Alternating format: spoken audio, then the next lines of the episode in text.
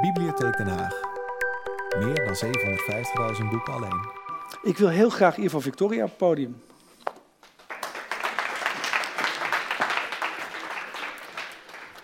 Goedenavond. Goedenavond. Ivo Victoria is van 1977. Dat is altijd goed. om- 71. 71. Maar dankjewel voor het compliment. Oké, hij is oogt als altijd heel jeugdig.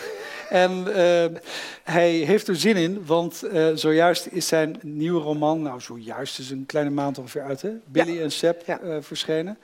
Maar dat is eh, nog steeds recent. Ehm, er gaat opeens van alles gebeuren. Ja, wij zien hier al een beeld, en Oh. misschien zelfs wel een bewegend beeld, van een podiumoptreden. Want jij bent ook bekend als iemand... Oei, oei. ja. Denk dat we het wel hebben. ja, ik denk ook dat we het hebben. Ja, Ja. oké. Ehm, eh, jij bent ook eh, een, notoor podiumdier, eh, samen met, met Wouwmans, hè, Victoria Wouwmans, Wouwmans Victoria. Wamels en Victoria, ja. Wouwmans en Victoria. Ehm, dus je bent gewend om op een podium te zitten, mogen we aannemen. Maar van waar die podiumbehoefte? Want dat zie je niet heel vaak bij schrijvers in die mate ontwikkeld als bij jou. Ehm, ja, bij mij is het eigenlijk omgekeerd gegaan. Eh, ik ben begonnen met eh, de ambitie als 16-jarige om eh, een wereldberoemde popster te worden. Eh, dus ik heb in talloze bandjes mijn geluk eh, beproefd. Eh, dus het podium is voor mij een heel ehm, ja, natuurlijke omgeving. Ik heb twintig jaar lang stad en land afgedweld. En, eh, en dus toen ik daarmee stopte en begon te schrijven, want zo is het eigenlijk gegaan, in 2004 of zo ben ik heel abrupt gestopt met muziek maken. En ben ik beginnen schrijven en toen dan mijn eerste boek uitkwam, eh, was het eigenlijk voor mij heel logisch om daar ook iets mee te willen doen Mhm. op het podium. Maar dan met literatuur. Maar dan met literatuur, met voordracht of met, eh, zoals we met Wamers en Victoria doen, met een soort van literaire revue. Eh, ja, ik doe dat graag. Ja, en dat doe je nog steeds. Ja, Oké. zeker. Ja.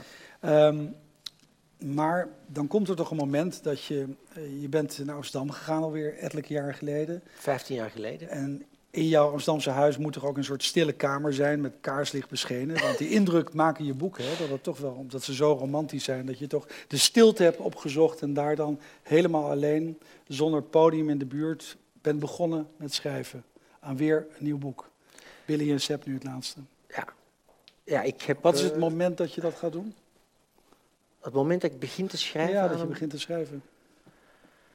Ehm, wel, enerzijds ben ik een hele eh, eh, pragmatische schrijver. Dus ik ben echt een 9-to-5 eh, schrijver. Ik heb een kantoor buiten huis. Buitenhuis. Ja. Kijk, kijk daar. Een kantoortje, wel op een prachtige plek Ja. in Amsterdam-Noord, bij een sluisje. En ehm, eh, dus ik schrijf gewoon elke dag. Ik begin om negen ik doe eerst de kinderen naar school en dan begin ik om negen uur te werken. Mhm. En om vijf uur ga ik de kinderen halen. Maar uiteraard ehm, gaan er... Ik, ik schrijf altijd, ook als ik niet aan een boek werk, dus er worden allerlei... eh, ja, losse fragmenten komen er en ik heb een blog waar ik regelmatig stukken op schrijf. En op een gegeven moment dan eh, ontwaar je ergens een lijn of iets dat terugkomt En- en, en- dan, en, dan pas en- begint het. Maar En, en nu ga ik je boek natuurlijk onrecht doen, want ik ga er maar een paar elementen uithalen. Maar hoe kom je nou aan een jongen die een geweer krijgt, een specifiek geweer, daar gaan we het zo nog wel even over Ja. hebben, eh, voor zijn verjaardag. En aan een meisje dat in coma ligt. Dat is al gebeurd eigenlijk als de roman begint. Ja. Eh, hoe kom je aan een verder klassieke roman van eh, melancholie doortrokken? Eh, waarbij ook nog een soort merkwaardige oom is, in wie ik jou dan eigenlijk denk te herkennen, die nogal ironisch, maar prachtig formulerend commentaar geeft op een zeer onthechte manier. Hoe ontstaat zo'n boek? een mooie vraag, hè? Blij dat is een geweldige vraag, maar Ja. het is een onbeantwoordbare vraag. Want eh, daar kijk ik zelf ook vaak met verbazing op terug. Ehm, maar alleszins, het begin was, of de eerste kiem was, eh, ik was bij vrienden op bezoek. Mhm. En die eh, hadden een zoon eh, van een jaar of 17 waar het niet zo goed mee ging. Een beetje een moeilijke, moeilijke jongen, die was gestopt met school. En ze kregen daar niet echt contact mee. En ik vroeg, ik had hen al een hele tijd niet gezien, ik vroeg, en hoe gaat het er nu mee? En die moeder zei, heel goed, hij heeft nu een geweer. Geweer. en ik dacht... Dat is meer een pistool, hè? Ja. ja, nee, niet zo'n geweer trouwens. En, ehm, en ik, dus ik vroeg van, hoezo? Wat, wat, hij heeft een geweer. Ja, een sniper. Hij heeft een sniper nu. Hè. En dus zij begon te vertellen en ehm, bleek dus dat die jongen een, uh, een airsoft eh, geweer had. Een mhm. airsoft geweer, airsoft geweren zijn identieke replica's van bestaande geweren. Dus uiterlijk niet te onderscheiden van een echt geweer. Het enige verschil is uh, dat ze met kleine plastic bolletjes schieten. Hele harde uh, plastic bolletjes kunnen behoorlijk pijn ja, Ik ben nog van de generatie van de luchtdrukpistolen. En die mocht er dan nooit als een uh, echt mooi, mooie revolver uitzien. Nee. Maar dit zijn dus perfecte replica's zoals je dat bij alarmpistolen had eigenlijk vroeger. Ja. En, uh, en dan met bolletjes die dus enorm pijn kunnen doen. Ja, daar kan je makkelijk iemand een tand mee aanschieten.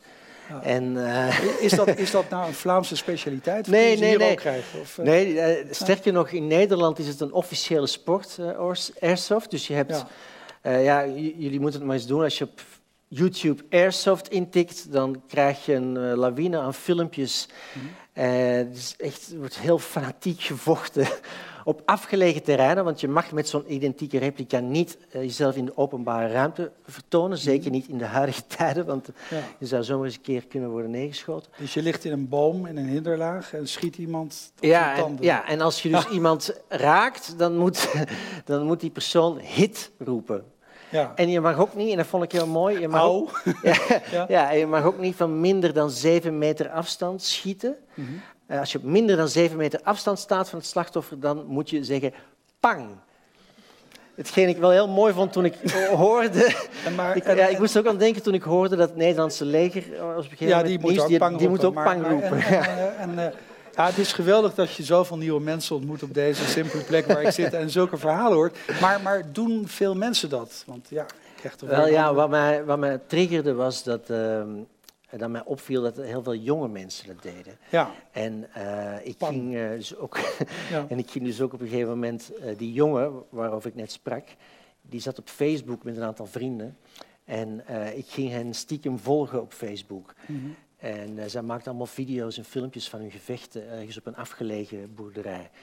En het, ja, ik vond het toch behoorlijk eng, uh, omdat het behoorlijk fanatiek gebeurt. Het is echt zeer ernstig genomen. Je, je, neemt dat in je roman ook in een soort documentaire fragmenten op, hè? Dus, ja, ik heb die ja. Facebook-filmpjes echt gebruikt. Dus er zitten een aantal scènes in de roman wat eigenlijk Facebook-video's of statements zijn en die beschrijf ik. Want zo communiceren die jongens ook met elkaar. En je, en je kan ook een soort van spanning aflezen in de comments die ze daarop geven. En onderlinge ja. verhoudingen kan je eruit aflezen. En, dus, dus ik begon me af te vragen, wat wil, wat wil dit nu eigenlijk zeggen? Want dat was toen ik dat op het spoor kwam, twee jaar, drie jaar geleden. toen was er ook heel veel te doen over Syrië-strijders. Dus mm. jonge radical, radicaliseerde moslims die duizenden kilometers reizen om echt te vechten. Mm. En, en ik ging me ineens afvragen van, oh, maar dit zijn jongens van bij ons, mm -hmm. uit goede families, uh, die niks tekort komen, die niet religieus zijn. Zonder problemen. Zonder problemen, geen ideologie.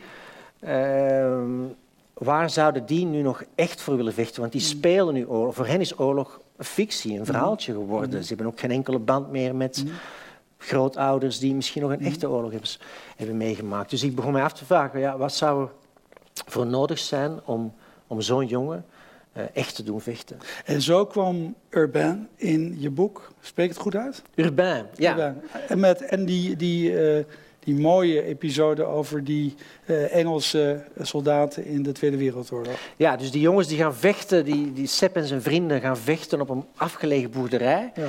En die boerderij is ook het decor van een oorlogsgeschiedenis. Mm. Uh, uh, waarbij dus inderdaad Urbain, de boer die daar woonde en die in het nu overleden is, iets heeft meegemaakt waarbij hij vijf Engelse piloten heeft geprobeerd te redden. Mm -hmm. Maar per ongeluk of niet per ongeluk mm.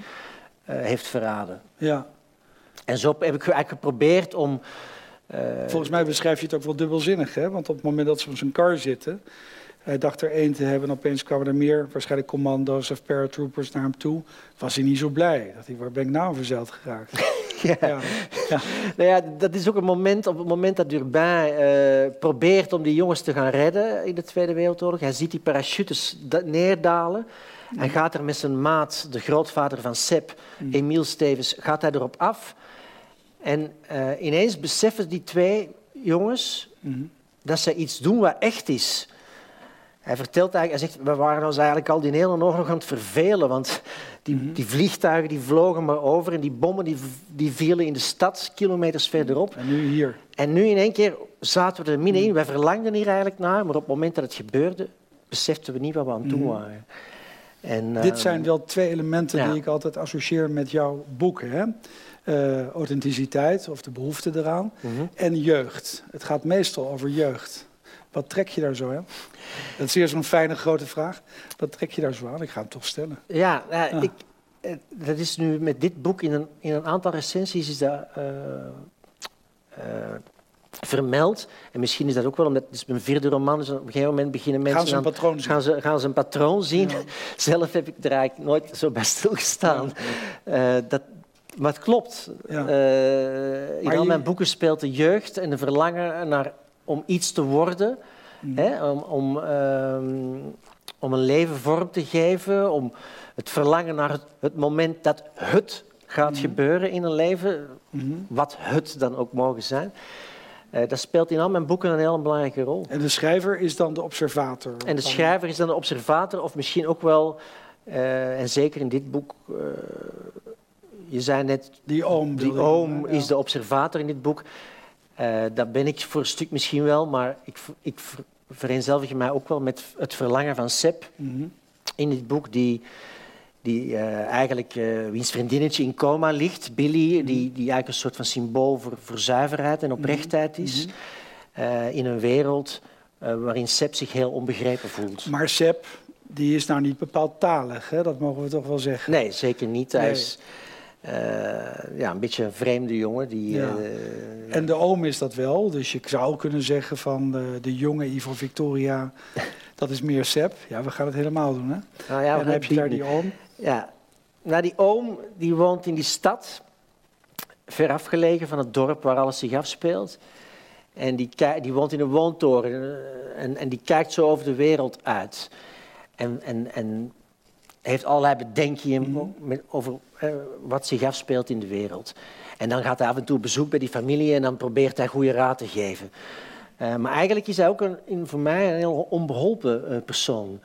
Um, omdat hij juist iemand is die het echte leven de hele tijd ontvlucht. Mm -hmm. en um, voor mij, ik, ik wou zo'n figuur in het boek om, omdat er op dit moment, met alles wat er in de wereld mhm. gebeurt, mm -hmm. zijn er veel uh, columnisten of opiniemakers, mensen die van op afstand naar de wereld mhm. kijken. En zelfs de, van de allerbeste in hun genre vraag ik mij wel eens af, uh, ja, maar sta jij nu wel in de wereld? Mm -hmm. is het, het, het, is prachtig om dingen te analyseren van op afstand, maar uh, komt, komt Bas Heijnen wel eens in een wijk waar de dingen echt aan de hand zijn. Ik weet dat niet, hè? Uh, ik heb er geen idee van, maar ik, ik stel me die vraag. En, ja. uh, uh, en dat is eigenlijk. En ik, en ik heb het in de, in de oom uitvergroot. Want uiteindelijk is het iemand die volkomen machteloos is. Mm. Die aan het eind van het boek ook vo volledig verschut staat, eigenlijk. Ja, maar hij blijft amusant, hè? Uh, ja, dat wel. ja, ik vind hem zelf ook behoorlijk grappig. Is het schrijven... is het schrijven jouw manier om echt in de wereld te staan, of is het een manier om de wereld aan te kunnen? Ja, ik vind het heerlijk om zulke vragen te stellen. Ja, ja, ik, ik begin het... Uh... Misschien mijn stemming, maar... Ja, ja nee. Ja.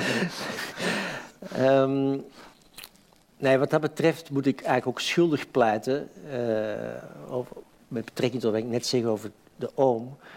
Um, ik, ben, ik ben niet een heel avontuurlijk uh, iemand. Nee. Dus het merendeel uh, van mijn leven uh, speelt zich af in mijn hoofd, moet ik toegeven. Maar dat staat dan wel haaks op wat je in je boeken allemaal laat gebeuren. Ja, ja dus misschien uh, compenseert het een en het ander. Dat zou, dat zou kunnen. Ja. Uh, maar je hebt in ieder geval de, ja, toch wel de grote oversteek gemaakt van Vlaanderen naar Nederland. Of was dat niet zo'n enorme... dat was een enorme oversteek, ja, ja zeker. Was die ook dramatisch? Of kolkende ja, gevaren? Het zijn natuurlijk wel twee uh, heel verschillende landen. Ja, maar je vindt dat natuurlijk onzin, hè? Nee, nee, dan ben ik echt. Uh, mensen denken altijd van. Uh, dan zeggen ze van, ja, van, van waar zijde? Ja, ik ben van Antwerpen. Oh ja, is vlak, Antwerpen is, het is hier vlakbij eigenlijk. Een uurtje, een uurtje rijden van Den Haag. Ja. Um, maar het cultuurverschil is wel heel groot. Mm -hmm. Uh, het grappige is dat die beslissing om naar Amsterdam te komen, heb ik eigenlijk volkomen ondoordacht genomen. Ik heb daar geen seconde over nagedacht. Het is een zeer intuïtieve beslissing geweest, wat voor mij, wat zeer on mij is. Want ik ben iemand die heel lang doet over een beslissing, over het algemeen. Uh, dus dat zegt ook wel iets. De, de, belangrijkste dingen in je leven overkomen je meestal. En je kunt nog zo hard daarover willen nadenken als je wilt. Mm. Maar de echt, echt belangrijke dingen, de, echt, de levensbepalende dingen, die gebeuren gewoon. En ja, zo ging het bij mij ook. Om naar Amsterdam te gaan? Om naar Amsterdam te gaan, maar ook om te schrijven bijvoorbeeld. Word je in Vlaanderen gezien als een echt Vlaamse schrijver? Uh, ja. Ja, volgens mij wel, ja. En uh, op een of andere manier... Uh,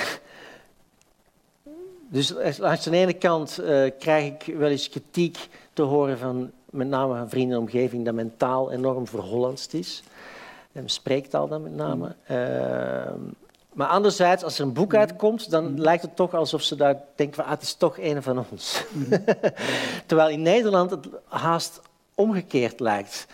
Uh, ik beweeg mij vooral in Nederland en, en, en ik treed hier veel op met de Waamse Victoria of ik, en ik schrijf voor allerlei bladen, et cetera. Maar als er een boek komt, dan is het toch een uit Vlaanderen. Het heeft natuurlijk ook wat te maken met uh, een, een, mooie barokke manier van schrijven af en toe. Althans, wat wij als barok ervaren. Ja, precies. Ja, want Nederland heeft natuurlijk wel een traditie van vrij uh, kaal proza. Ja. En, uh, en zo schrijf ik niet, nee. nee. nee. En daar hou ik ook niet van, nee. eigenlijk. Je hebt het nooit geprobeerd ook? Wel, ja, Billy en Sip is, is wel ook door de, door de omgeving die, waarin het zich afspeelt en mm -hmm. de thematiek uh, is het er zijn mensen die zeggen dat het een lyrisch boek is. Mm. Dat, dat, dat, en ja, ik, wil, ik, wil, ik wou ook graag dat er iets gebeurde met taal in dat mm. boek. Uh, maar ik, ben, ik werk nu bijvoorbeeld aan, aan een aantal korte, een collectie korte verhalen die allemaal rond hetzelfde personage uh, mm. uh, draaien. Die moet eind van het jaar of begin volgend jaar verschijnen. En daar merk ik dat ik veel eenvoudiger schrijf. Dus, Zou je een hardcore stukje, speciaal voor de onschuldige aanwezigen hier kunnen voorlezen, dat ze echt kunnen, ze kunnen laven aan je taal. Een hardcore stukje. Ja. um, Oké, okay, ja. Dan, uh, dan wil ik een stukje doen over Billy, want daar hebben we het helemaal nog niet over gehad. En mm. Billy is, is, een personage dat eigenlijk al... Het voortkomt uit mijn tweede roman, Gelukkig zijn we machteloos. Zij komt ook al in die roman mm. voor en ik heb haar eigenlijk opnieuw opgepikt uh, zij is de voor, het gelukkig zijn machteloos is geëindigd in coma en deze roman begint ze in coma. Mm. Um, en dit ga, gaat een beetje als volgt. Um, Hoi, ik ben Billy, een geest. Dat waren de eerste woorden die ze tegen Sip had gezegd. Ze zag hem op een ochtend op het schoolplein. Hij stond alleen. En zijn ogen volgden iets in de lucht wat voor andere leerlingen verborgen bleef. Een magere jongen die ziek oogde, maar niet op een zielige manier. Een zieke uit overtuiging. De wolken snelden voorbij. De zon ging uit en aan en deed zijn gezicht oplichten en uitdoven. En Billy liep naar hem toe en zei: Hoi, ik ben Billy, een geest, wat ben jij? Ik ben Sip, zei Sip. Maar wat ben je? vroeg ze. Sip, had hij opnieuw gezegd. Gewoon Sep. En daarna hadden ze samen een paar volstrekt vanzelfsprekende weken doorgebracht. Vaak trokken ze naar Billy's huis en spenderen uren stuiterend op de trampoline in de tuin. Of ze sprongen op de fiets en zwierven door de wijde omgeving, zoals jongelingen in Gaspel van oudsher deden. Ze banjerden door de eindeloze weiden, hingen rond bij de leegstaande boerderij van Urbain. Of ze zwierven door de goudbloeiende gaspeldoornvelden tot aan de rotsen en de zee. En die zaterdag, eind september, door andere mensen noodlottig genoemd, alsof die dag er iets aan kon doen, was een uitzonderlijke nazomerdag geweest. Zo eentje die zich in de herinneringen van de mensen placht te nestelen en waarop de lome warmte en de afwezigheid van wind de tijd vertraagden. Billy stond op de trampoline bij haar thuis in de tuin. En Sepp lag naast haar op de springmat. Alles om hen heen trilde van de hitte. Billy wipte wat op en neer, hopend dat de wrijving van haar lichaam met de lucht een verkoelende bries zou vormen. Het was een groot formaat trampoline met een vangnet eromheen. En plots leek het alsof iemand haar een duw gaf. Net op het moment dat ze met haar voeten loskwam van het springoppervlak. Haar lichaam kantelde in de lucht, gleed langs het vangnet naar beneden en Billy landde met haar hoofd op de rand van het stalen frame. Een harde, droge klap. Voor een fractie van een seconde lichtte alles in haar op. Zo fel en plots dat de lucht van glas was. Billy kon haar aanraken. Er was iets hards dat in haar luchtpijp bleef steken, waardoor ze niet meer kon ademen. En ze voelde hoe er iets uit haar lichaam wegdreef en zich van haar losmaakte. Ze kon niet zien wat het was. Het fladderde in de lucht, terwijl ze zelf langzaam naar beneden viel, in een diepe, donkere vlucht. En ze wist dat ze dood was. Of tenminste, dat dacht ze te weten. Het was niet zo erg. Best een gelukzalige vorm van verdwijnen. Veterlicht wiegend op onzichtbare golven. Een blad in een windstille najaarsnacht. Ze kwam nergens terecht. Ze bleef zweven en in plaats van steeds verder naar beneden te gaan en uiteindelijk te landen in het absolute niets, bleef ze na een tijdje simpelweg hangen. Ergens boven of onder iets, zonder verder of terug te gaan. En ze zuchtte. En ze was er weer op een bepaalde manier. En sindsdien lag ze in het ziekenhuis, op de zevende verdieping van de vijfde toren, in een toestand die niemand officieel levend of dood wilde noemen. En ze had het eindelijk met recht kunnen zeggen: Ik ben een geest. Mooi. Nog een klein vraagje. Ehm, we hebben nog een plaatje van twee collega's van je. Hm? Kijk. Um, oh, wauw, ja. Jamal, uh, Jamal en uh, Abdelkader Benali. Je begrijpt wel waarom ik die twee koppen bij elkaar gedaan heb. Hè? Zeker, ja. Dat uh, is toch het personage waar dan over gezegd wordt, althans wat er met hem gebeurt. Hè? Um, daarna, als een aangekondigde val, volgde het schot. Het werd niet gelost. Het was een schot dat zichzelf bevrijdde. Het maakte van de gelegenheid gebruik. De kogel glinsterend in het zonlicht rond de eigen lengteras rollend. Ja, jij spreekt, doet het mooier. Rond de eigen lengteas rollend. De microturbulentie die hij achterliet in de lucht. De verpletterende efficiëntie waarmee hij de borst van zijn slachtoffer liet exploderen. En dat slachtoffer heet Jamal Benali. Dat kan geen toeval zijn, hè? Nee, dat is niet waar trouwens. Nee? Het slachtoffer is niet Jamal uh, Benali. Vergist. Ja, je hebt, ja, maakt niet uit. Maar, um, maar Jamal Benali is inderdaad een personage in de roman die ja. inderdaad dreigt het slachtoffer te worden. Ah, ja. Um, en ook wel in zekere zin een slachtoffer is, ja. ja. En, um, en hoe kwam je daar zo op? Want het is natuurlijk toch ja. nou ja, in het dorp is dus één, uh, één uh, jongen uit een, ja, een vluchtelingenfamilie eigenlijk, uh, die in het dorp woont. En die uh, op een gegeven moment met Sepp en zijn vrienden in contact komt, mm. even om het te uh, situeren. En ik had een naam nodig voor deze jongen. Ja. En um, Mohamed is dan zo'n voor de hand liggende naam. En uh, in die tijd hadden Jamal en Abdelkader, die hadden het nogal aan de stok met elkaar op Facebook. Ja, dus je hebt er één organisme van gemaakt. En ik dacht, ik vond het wel geestig om een personage te hebben dat Jamal Benali heette. Het mooie hieraan is dat er geen weerwoord mogelijk is. Hè? Nee. Dankjewel. Dankjewel. Oké. Okay. Ja.